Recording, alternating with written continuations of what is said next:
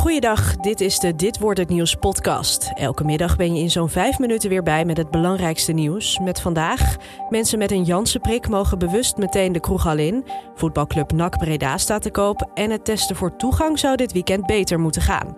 Mijn naam is Rebecca Looyen, het is vandaag vrijdag 2 juli en dit is de Nu.nl Dit wordt het nieuws middagpodcast. Er is bewust voor gekozen om mensen met een Janssen-vaccin ook gelijk al toegang te geven tot evenementen. Dat zegt zorgminister De Jonge. Na één prik van dat vaccin ben je nog niet meteen zo goed beschermd als mensen die twee prikken hebben gehad. Volgens deskundigen duurt het namelijk twee weken voordat een vaccin goed werkt. Maar de jongen zegt dat er een verstandige afweging is gemaakt tussen het gezondheidsrisico en wat praktisch haalbaar is. Vanaf vandaag kan je voetbalclub NAC Breda kopen. De eigenaren willen namelijk van al hun aandelen af. De verkoop gebeurt via een overnameplatform en het is voor het eerst dat een profclub op die manier verkocht wordt. Maar dat betekent niet dat je zomaar mee kunt bieden. Dat legt de directeur van het platform uit bij BNR. We maken een eerste filter of je een serieus uh, geïnteresseerde bent. Vervolgens moet je een geheimhoudingsovereenkomst uh, tekenen en dan krijg je meer informatie. Zo werkt het in de overnamewereld. Hoeveel de voetballers precies op moeten gaan leveren is niet duidelijk. Fietsmerk Gazelle roept een aantal elektrische bakfietsen terug omdat het stuur af kan breken. Het gaat om de bakfietsen Makkie Load en Makkie Load Connect. Daarin kan je meerdere kinderen meenemen, maar volgens de fabrikant kan de stang van het stuur dus afbreken. Mensen die zo'n fiets hebben moeten hem terugbrengen en krijgen dan het volledige aankoopbedrag terug. Dat is ongeveer 5000 euro.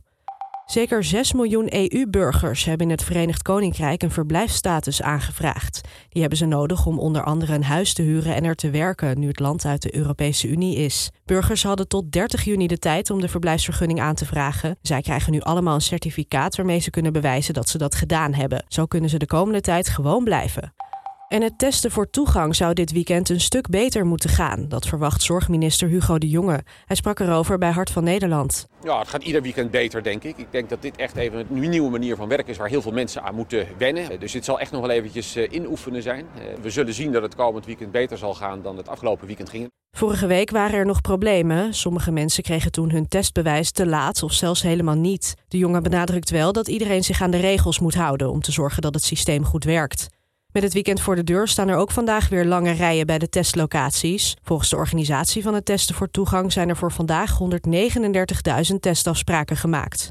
En dan het weer van Weerplaza. De rest van de dag blijft het droog. Het wordt zo'n 22 graden. Dit weekend wordt zomers warm met een graad of 25. Morgen kan er aan het einde van de dag wel wat onweer zijn. En ook zondag is er nog kans op dat soort buien. Dan nog even dit. Een Britse 40-jarige man heeft een primeur, maar wel een pijnlijke. Hij is de allereerste patiënt ter wereld die zijn penis verticaal heeft gebroken. Dat meldt Daily Mail. Die breuk ontstond door een botsing tijdens een hevige vrijpartij. Maar wat daar precies gebeurd is, is niet bekend. En dit was dan weer de Dit wordt het nieuws podcast van deze vrijdag 2 juli. Tips of feedback zijn altijd welkom. Die kan je sturen naar podcast.nu.nl. Mijn naam is Rebecca Looyen en ik wens je een fijn weekend.